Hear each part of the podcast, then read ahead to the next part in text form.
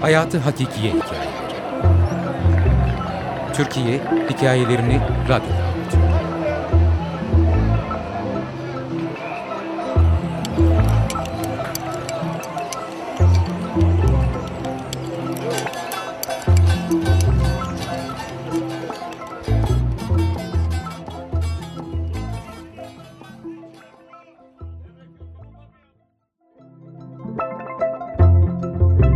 Aslanbaşı Güzel bir ikindi akşamında güneş ışığı salondaki bütün çiçeklerin arasında ışık huzmeleri yaratıp oyunlarını oynuyordu. Açık balkondan gelen rüzgarın serinliği odayı rahatlatmış, demlenen taze çay bardaklara doldurulmuş ve ailece keyif saati gelmişti.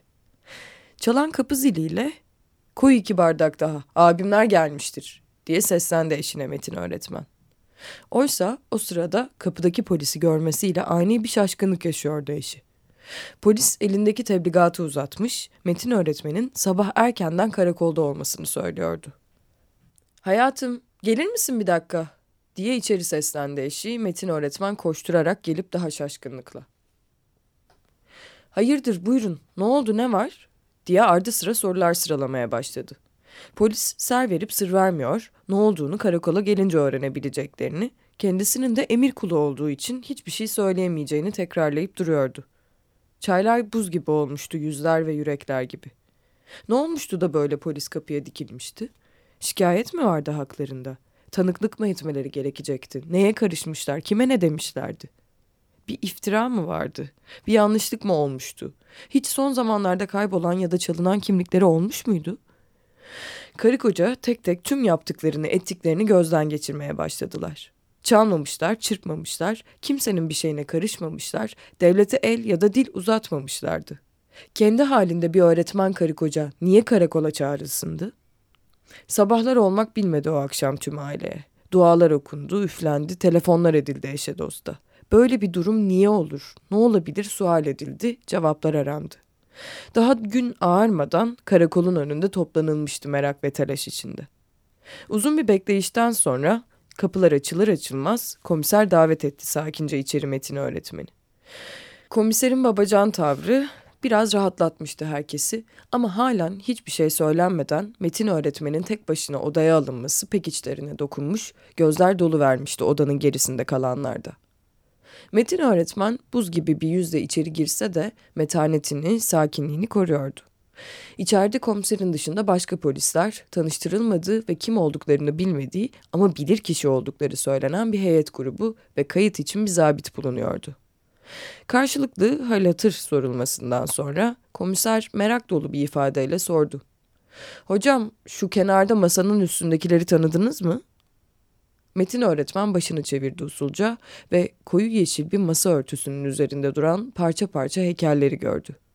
Yüzü önce bulandı, sonra aydınlandı. Gözleri önce kısıldı, sonra büyüdü.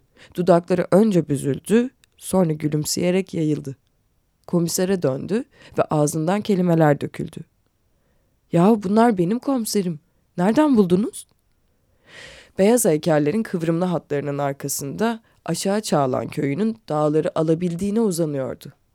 Bulutlara değen ormanları, tepeleri, keçi yollarıyla ancak eşek sırtında gidilen tozlu yollarıyla aşağı Çağlan köyü. Her daim toprak toprak kokan ve çamur, alçı, boya lekesiyle bezenmiş elleriyle Metin öğretmen heykellerinin başında onlara bir tarih kazandırırken gördü kendini. 50 yıl öncesinin uzun kış gecelerini anımsadı. Muhtarlıkta muhtar ve ihtiyar meclisi azalarıyla yenilen akşam yemekleri ve kuzinede demlenen çay keyfi sonrasında döndüğü küçük bir köy lojmanı vardı. Mum ışığıyla dolaştığı tarih kitaplarının sayfalarını milattan önce ve milattan sonra diye başlayan tarihi, mitoloji ve efsanelerin kahramanlarını kaynaştırıp harmanlayarak heykellerine nasıl bütünleştirdiğini düşündü.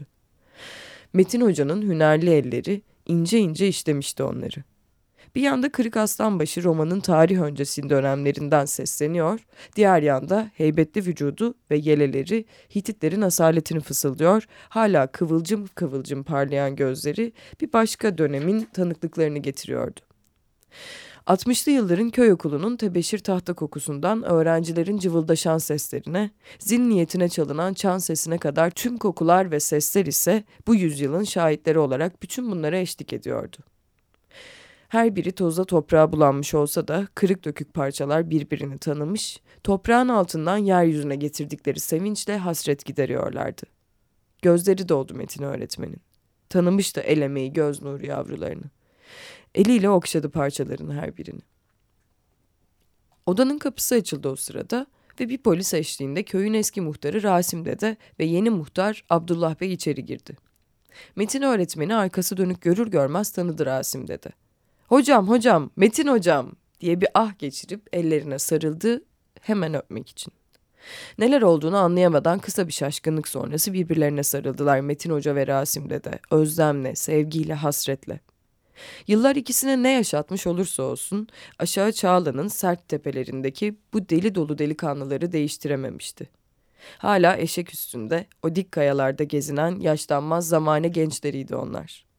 Neşe içinde birbirlerine kısa bir hal hatır sorduktan sonra Metin öğretmenin muhtar emmi ne iştir bu iş diye sormasıyla polislere meydan bırakmadan Rasim de de heyecan içinde ve gülerek bir çırpıda anlatabildi anlatıverdi gün ola hayır ola neler olup bittiğini. Sorma hocam sorma. Tarihi eser kaçakçıları da dalmış bizim köye. Kazıp kazıp çalmışlar, çırpmışlar, yüklenmiş götürürlerken de büyük devletimin polisi yakalayıvermiş bunları.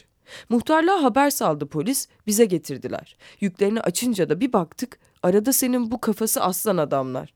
Ben hemen tanıdım hocam. Dedim bizim Metin hocamız vardı köyümüzün piri. Buraları köy yapan, okulu okul yapan çok kıymetli hocamızdı o bizim.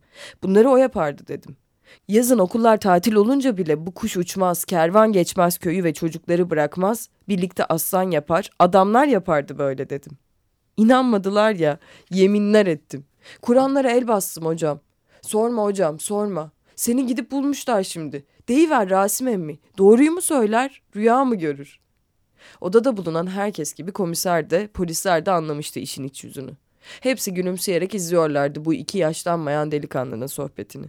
Metin öğretmen aşağı çağlanın tepelerini düşündü. Dağ kekiği getiren kokularıyla esen rüzgarını hissetti odanın içinde bir an. Öğrencileriyle birlikte yonttukları taşlar, kayalar, alçı kaplamalar. Kitap sayfalarından esinlenip türettikleri hikayeler, hayat verdikleri heykeller. Kah Roma'nın açık hava tiyatrolarından Anadolu'nun höyüklerine, kah Mısır'ın yeraltı mezarlarından Yunanistan'ın akropollerine dünyayı gezerlerdi o heykellerin hayatlarına eşlik ederek. Yıllar içinde tozun toprağın rüzgarın aşındırmasıyla, yağmurun suyun hırpalamasıyla yer yer iyice kararmışlar, sararmışlar, tarihi eser kaçakçılarını bile gülünç duruma düşürmüşlerdi. Ah Rasim emmi ah, doğruyu söylersin doğruyu. Ah o zamanlar ne zamanlardı Rasim emmi ah. Bunu duyan Rasim emmi de şöyle dedi. Biz koruyamadık hocam emanetlerini kusurumuza bakma. Okulda müdür odasında o camlı dolapta durdu hep onlar. Ama sonra gel zaman git zaman yer değiştirdikçe oradan o dolaba oradan oraya sürüklendi. Gelen giden müfettişlerden sorup alanlar oluyordu arada. Okul yıkılıp yenisi yapılırken de herhalde böyle kayboldu gitti. Karışmış toprağa girmiş yerin dibine parça parça. Komiserin odaya taze çay söylemesiyle ortam iyice rahatlamış, sohbet derinleştikçe derinleşmişti. Polisler ve heyet de büyük bir keyifle sohbete katılmış, köyün tüm haberlerini almışlardı Rasim dededen. O gün bugün Eskişehir Anadolu Müzesi'nde arşiv odalarında küçük bir köşe ayrılmıştır Metin Hoca'nın küçük heykellerine. Tarihten öncesi ve tarihten sonrasında yaratılan tüm söylenceler ve can bulan bütün heykellerin anısına. Aslanbaşı Yazar Esra Ergün. Editör Deniz Altınay. Okuyan Seçil Türkmen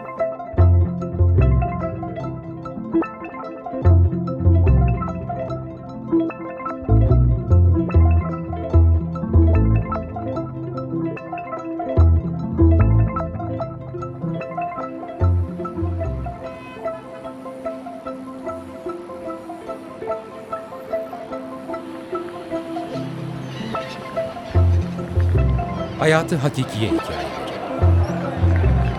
Türkiye Hikayelerini Radyo'da